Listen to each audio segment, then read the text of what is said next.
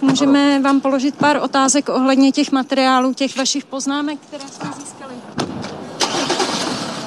Detektivové z Národní centrály proti organizovanému zločinu podle radiožurnálu prověří informace z diáře šéfa poslanců vládního hnutí Ano Jaroslava Faltínka. Poznámky z diáře, které získal server Seznam zprávy, se týkají schůzek, na kterých řešil třeba rozdělování sportovních dotací nebo zakázku pražského dopravního podniku. Druhý nejmocnější muž hnutí Ano, Jaroslav Faltínek, obhajuje své kroky v roli šéfa poslaneckého klubu vládní strany. Server Seznam zprávy z Faltínkových poznámek zjistil, že předseda nejsilnějšího sněmovního klubu řešil přidělování dotací, údajné skryté vlastnictví firmy, zabýval se i veřejnou zakázkou. Diář Jaroslava Faltínka už prověřují i policisté z Národní centrály proti organizovanému zločinu. Co všechno o působení Jaroslava Faltínka skrze jeho záznamy víme? Za jakých okolností novináři jeho diář získali?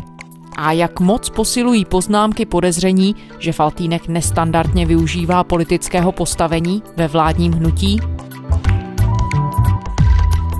Je pondělí 12. dubna. Tady je Lenka Kabrhelová a Vinohradská 12. Spravodajský podcast Českého rozhlasu. Pan novinář Janek Kroupa ze Seznamu má k dispozici, ale já to bohužel nedokážu posoudit, patrně můj diář, ofocený můj diář nebo diáře z let 15, 16, možná 17 na nějaké osobní poznámky v tom diáři. Janku, vy jste v seznamu stáli za tím, že se dostaly zápisky z diáře Jaroslava Faltínka až k očím veřejnosti. Pojďme možná na úvod schrnout, co všechno v nich je. Zápisky Jaroslava Faltínka ukazují druhou stranu toho, co Jaroslav Faltínek ve skutečnosti dělá a doteď to nebylo jak si vidět v takhle jasných obrysech. Janek Kroupa, investigativní reportér serveru Seznam zprávy CZ.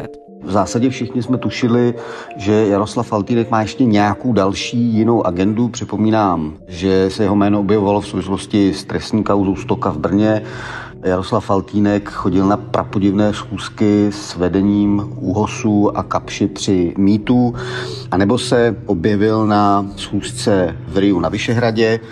Ani jedno angažmá vlastně dobře nevysvětlil, ale dávalo tušit, že je za jeho agendou víc, než bych chtěl, aby bylo vidět. No a my jsme si řekli, že tohle proskoumáme a myslím, že ty, ty jeho poznámky ukazují, že místo toho, aby se zabýval politikou, tak se ve skutečnosti zabývá biznisem, ingeruje do dotací, pomáhá kamarádům ty dotace získat, pak se zabývá konkrétníma jednotlivýma velikánskýma zakázkama v různých státních a městských firmách a vlastně řeší věci, které si politikovi opravdu nepřísluší. Neustále jsem já obvinován, že se potkávám s lidmi, kterými bych se neměl potkávat.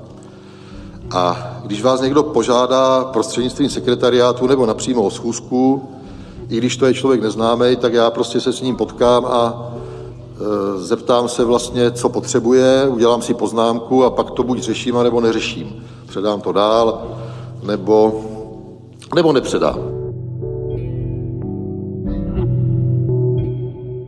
Janko, když se pustíme do toho podrobného rozboru všeho toho, co jste zjistili, pojďme možná ještě popsat, jak důležité to je, že jde právě o zápisky šéfa poslaneckého klubu vládního hnutí Ano Jaroslava Faltínka. Jinými slovy, můžeme popsat, jakou roli pan Faltínek hraje ve své straně v české politice? O jak důležitého hráče jde? Jaroslav Faltínek celá leta byl dvojkou v ANO. A to ať už byl dvojkou tím, že byl prvním místopředsedou, nebo tím, že byl takový ten poslanecký whip, neboli ten, který zajišťuje chod poslaneckého klubu, což je vlastně srdce jako každé politické strany. Ve chvíli, kdy poslanecký klub nefunguje, tak ta poslanecká strana ve sněmovně prostě nemá šanci ničeho docílit. Andrej Babiš měl Jaroslava Faltínka vždycky jako svého nejbližšího spolupracovníka.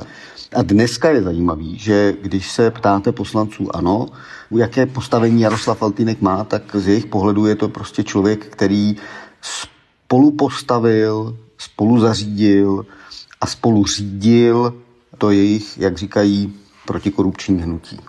Takže skutečně člověk, bez kterého si tu stranu jako takovou nelze představit. Doteď ne a zjevně si to nedovede představit ani Andrej Babiš. Pojďme se podrobněji tedy zastavit u toho, co všechno ty poznámky ukazují. Vy píšete o tom, a ty si to zmiňoval, že odhalují, jak pan Faltýnek loboval za dotace pro své známé, že ovlivňoval zakázky nebo dělal vlastní obchody, aby to nebylo vidět. Můžeme možná, Janku, uvést nějaký konkrétní příklad, na kterém by ta praxe se dala popsat a vysvětlit?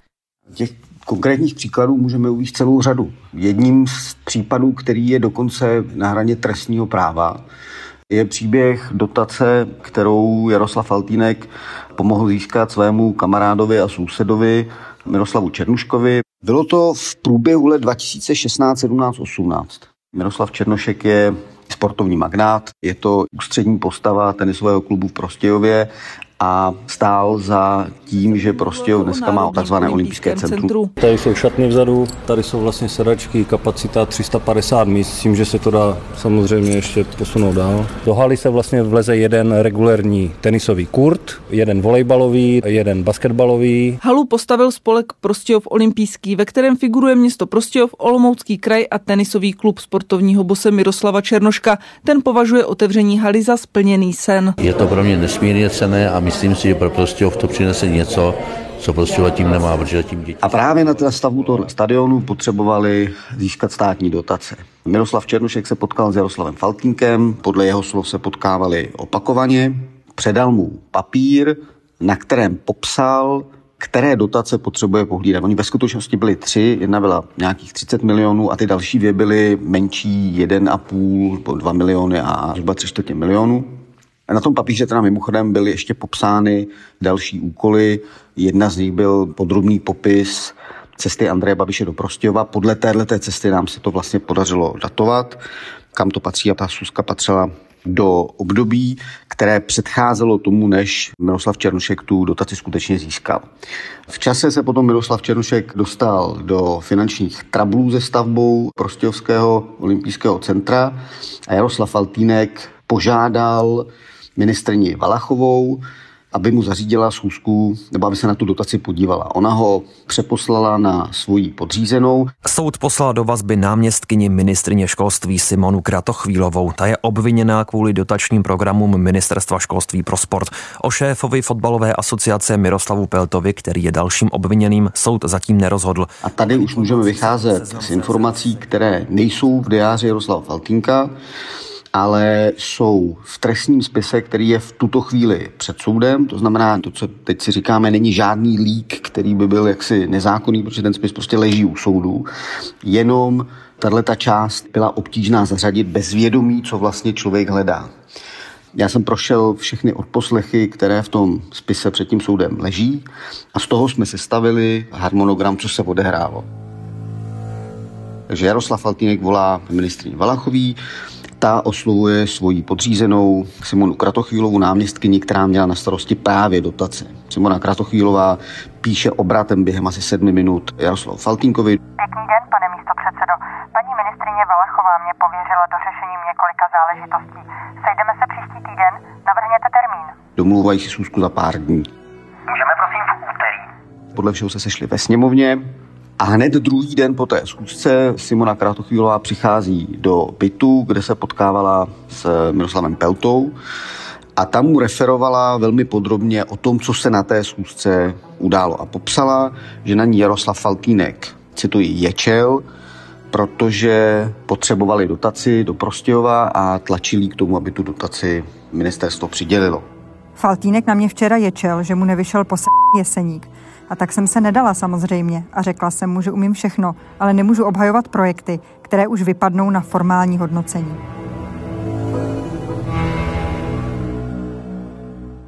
Čili tohle to je mechanismus, který Miroslav Faltýnek vlastně zasáhl do tohoto dotačního titulu.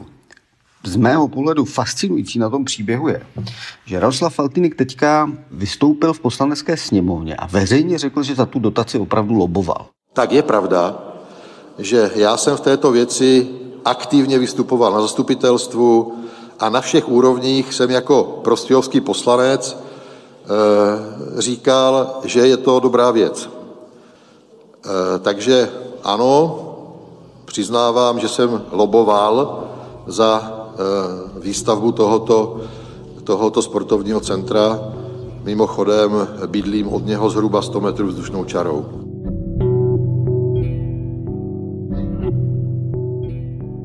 To se už dostáváme k tomu, co říkal Jaroslav Faltýnek minulý týden ve sněmovně, kde vysvětloval svůj úhel pohledu.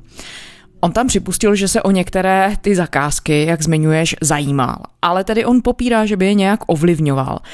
Což, jak zmiňuješ, jak si vyvolává spoustu dalších otázek, ale když pan poslanec mluví o tom, že ze své pozice reprezentanta zvoleného občany musí to dělat, že se musí o věci veřejné zajímat, nemá tak trochu pravdu? No samozřejmě, že nemá. On se o veřejné věci klidně může zajímat. Ale v případě dotací je ten příběh přece jednoduchý.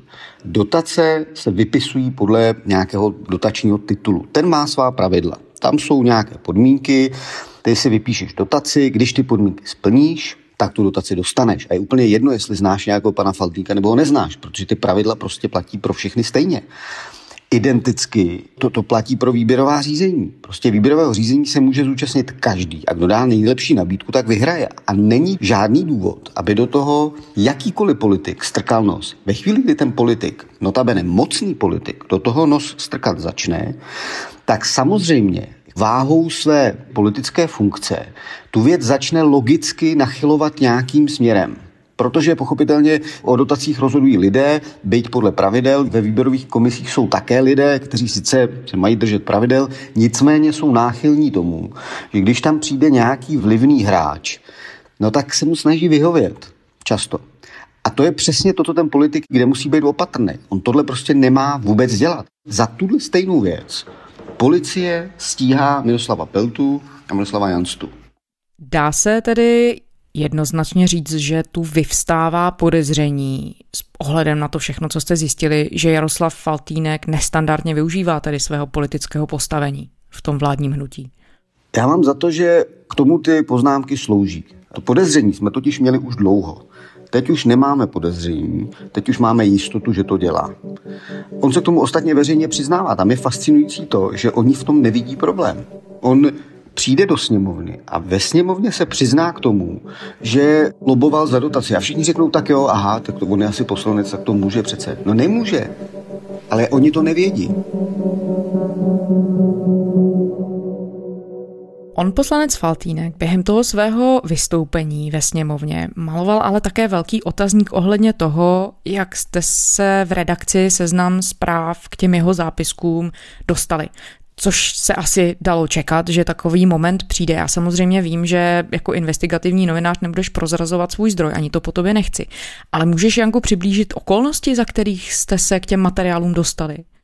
Co se týká toho deníku, to je samozřejmě jako zábavná argumentace a můj kolega Erika Kubík to velmi trefně klosoval tím, že podle této logiky, když najdeš zakrvavený nůž po vraždě a odneseš ho, tak si ukradl vražednou zbraň a jako důkaz ji tím pádem nemůžeš použít a nemůžeš se tím zabývat.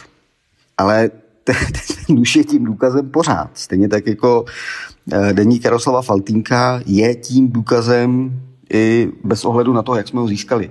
My jsme samozřejmě žádný deník nikde nelezli a nekradli Jaroslavu Faltínkovi. Jaroslav Faltínek sám mám 20 různých hypotéz, jak jsme se k němu dostali. Jak se dostal ofocený diář k panu Kroupovi, já nevím, já můžu pouze spekulovat, že to ukradl někdo velmi blízký z mého okolí. Vzhledem k tomu datu, tak je to období někdy z těch let 15-16, kdy eh, někdo měl přístup prostě eh, k mým soukromým zápiskům, ty ofotil a pak je eh, předal nebo speněžil. To já jenom spekuluju, nevím prostě. To, co z mého pohledu je klíčové, že on nikdy nepopřel autenticitu těch jednotlivých věcí. To bylo to, k čemu já jsem se chtěla dostat, že jednak jde o transparentnost a jednak jde právě o to, jestli v tuhle chvíli jste si stoprocentně jistí, že ten deník je autentický. Takže i sám Jaroslav Faltínek tedy jeho pravost nepopírá. My jsme si jistý jeho autenticitou a Jaroslav Faltínek si je jistý jeho autenticitou rovněž.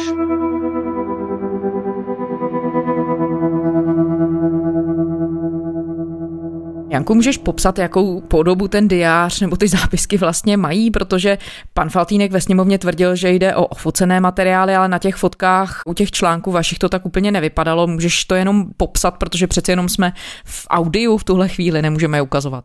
Ten deník vypadá tak, jak ho ve sněmovně Jaroslav Faltýnek ukázal. Já jsem ze staré školy a používám tady takový velký černý diář asi 20 let, kde si píšu všechny schůzky s lidma, s kterými se potkávám a dělám tam i nějaké poznámky, co ti lidi chtěli a co chtěli řešit. Jsou to A4 papíry ve směs, Někdy jsou to papíry, které jsou jak se popsané od zhora dolů písmem Jaroslava Faltínka, někdy jsou to papíry, které mu nosili různí lidé na různé schůzky, tak aby si pamatoval, co má Jaroslav Faltínek dělat. To je třeba případ té Černoškovy dotace, tam mu prostě dal Černošek úkol, Jaroslav Faltínek se ten úkol vzal, něco si k němu poznamenal a vložil si ho do tohohle toho svého A4 diáře, který ve sněmovně ukázal. A můžeš ty materiály nějak datovat? Ty jsi zmiňoval tedy, ale to jsme se bavili o těch soudních materiálech, z kterých jsou let. Víme, z jaké doby jsou tyto materiály, které jste získali? Je to tak jako průřez. Jo. Jsou to materiály, které začínají někdy v letech 2016, ale vedou nás až k příběhům velmi aktuálním. Jo. Protože, jak se ukazuje, ono ovlivňování dotací a zakázek je práce náročná časově i na jakousi systematičnost. Toto Jaroslav Faltýnek v tomhle pracovitý a systematický byl. No v těch reakcích se ještě Janku objevuje jedna otázka, to je otázka načasování. V tuhle chvíli jsme půl roku před parlamentními volbami, které budou klíčové pro další osud České republiky, asi dá se říct. Neobáváte se, že byste se mohli stát terčem nějaké snahy o manipulaci předvolební? Protože to je jeden z těch argumentů, které ze strany třeba příznivců hnutí ANO může také zaznívat. Já k tomu mám dvě poznámky. Za prvý, O ten příběh my jsme se začali zajímat ve chvíli, kdy Jaroslav Faltínek odešel z té prapodivné schůzky na Vyšehradě. Jsme si na poradě s kolegou Jiřím Kubíkem a dalšími kolegy, kteří zpracovávali detaily té vyšehradské schůzky, tak jsme se rozdělili s tím, že kolegové se koukali na tu konkrétní schůzku a já jsem měl zkusit rozplíst biznisový svět Jaroslava Faltínka.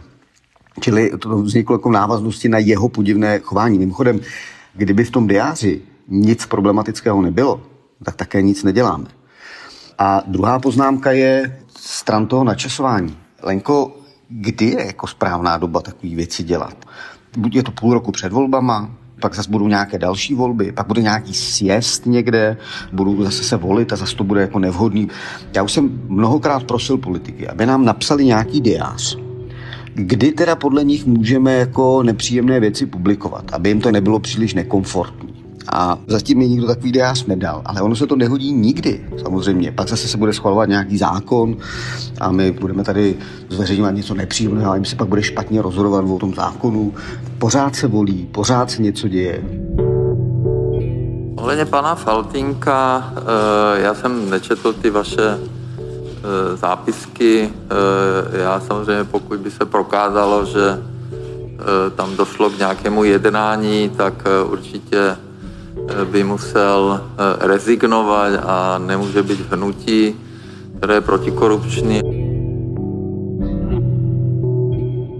Pojďme se podívat, Janko, na reakce na politické scéně, které tohle všechno vyvolalo. Premiér Andrej Babiš vám řekl, že chce po Jaroslavu Faltínkovi vysvětlení. Jinak prý použije princip padni komu padni. Když se teď tedy díváš na to, co se od minulého týdne stalo, je to reálné nebo nasvědčuje něco tomu, že by pan Faltínek mohl v hnutí ano skončit a mohl skončit na té své pozici toho hlavního muže předsedy poslaneckého klubu ano? To já nedokážu odhadnout v tuhle chvíli. Jednak my nejsme na konci toho celého příběhu, protože my ještě budeme v průběhu tohohle týdne zveřejňovat další věci, které teda považujeme za mimořádně problematické. A myslím, že položí další otázky, respektive dokonce možná i některé odpovědi, proč to Jaroslav Faltýnek celé dělal.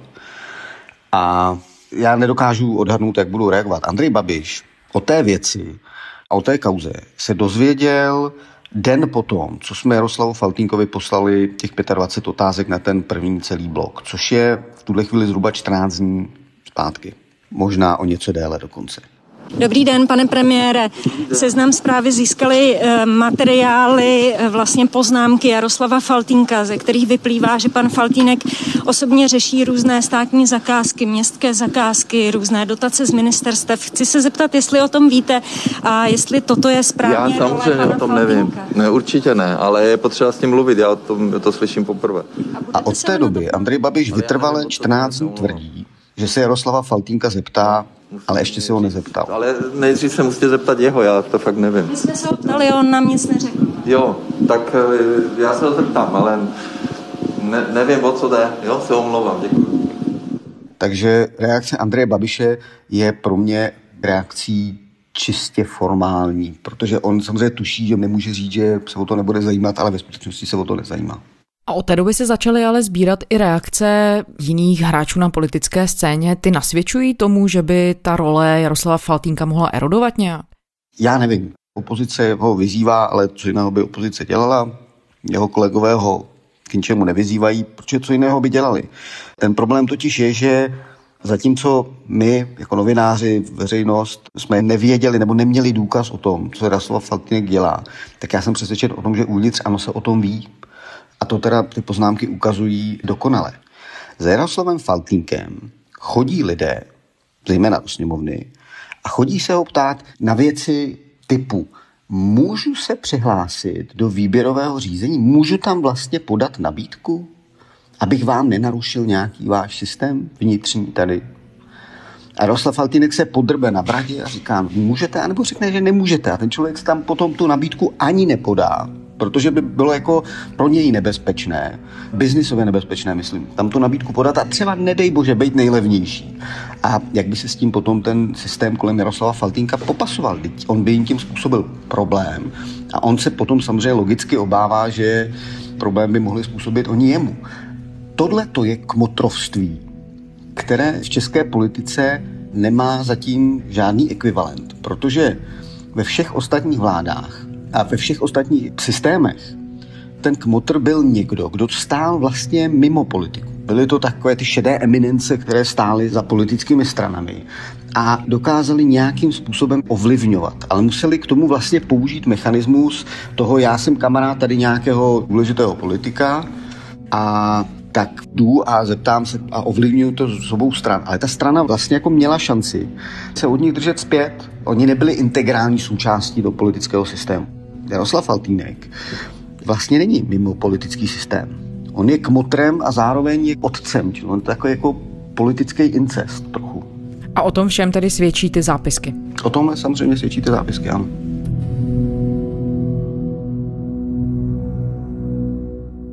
Podle informací Českého rozhlasu se tou celou věcí začala zabývat Národní centrála proti organizovanému zločinu. Janku, tebe v téhle věci policie kontaktovala nebo tě nějak požádala o součinnost vzhledem k tomu, že k těm informacím vlastně máš přístup? Kontaktovala a chtějí mě tenhle týden vyslechnout. Ano. Ale tohle je příběh pro policii jenom z části protože samozřejmě jsou tam přesahy, které asi nějak trestně právní odpovědnost mít mohou. Jo. Ale celý ten systém nelze jako překlopit do trestního práva.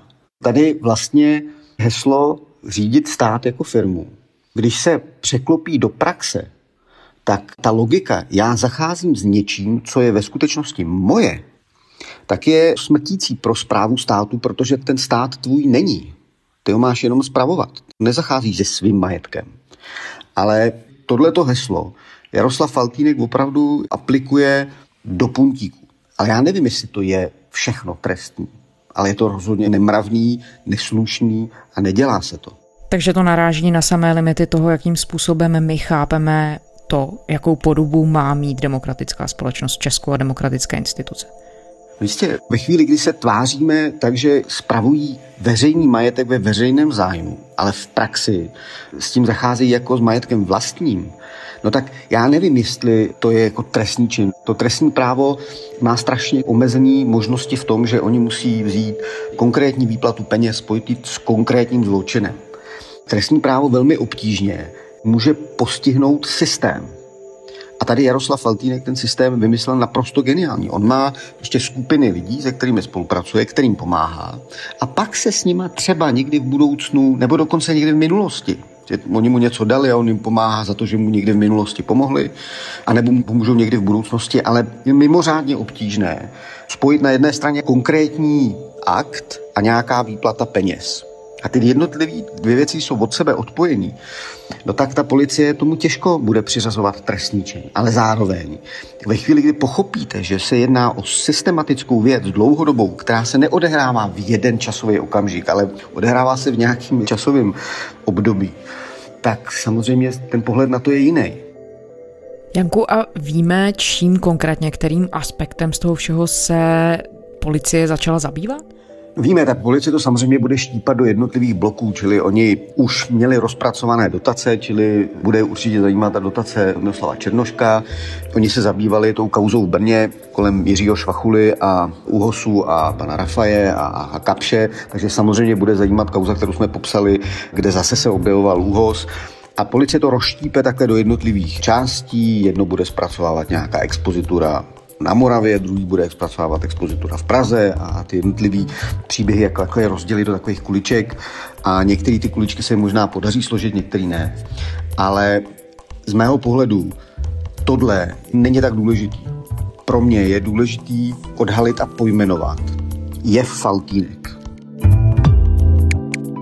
Janek Kroupa, investigativní reportér serveru Seznam zprávy CZ. Janku, děkujeme za rozhovor. Pěkný týden přeju. A to je z pondělní Vinohradské 12 vše. Poslouchejte nás kdykoliv na serveru iRozhlas.cz. K našim dílům se můžete vrátit samozřejmě i v podcastových aplikacích a v aplikaci Můj rozhlas, kde je všechno rozhlasové audio. Psát nám můžete na adresu vinohradská12 zavináč rozhlas.cz To byla Lenka Kabrhelová. Těším se zítra. thank you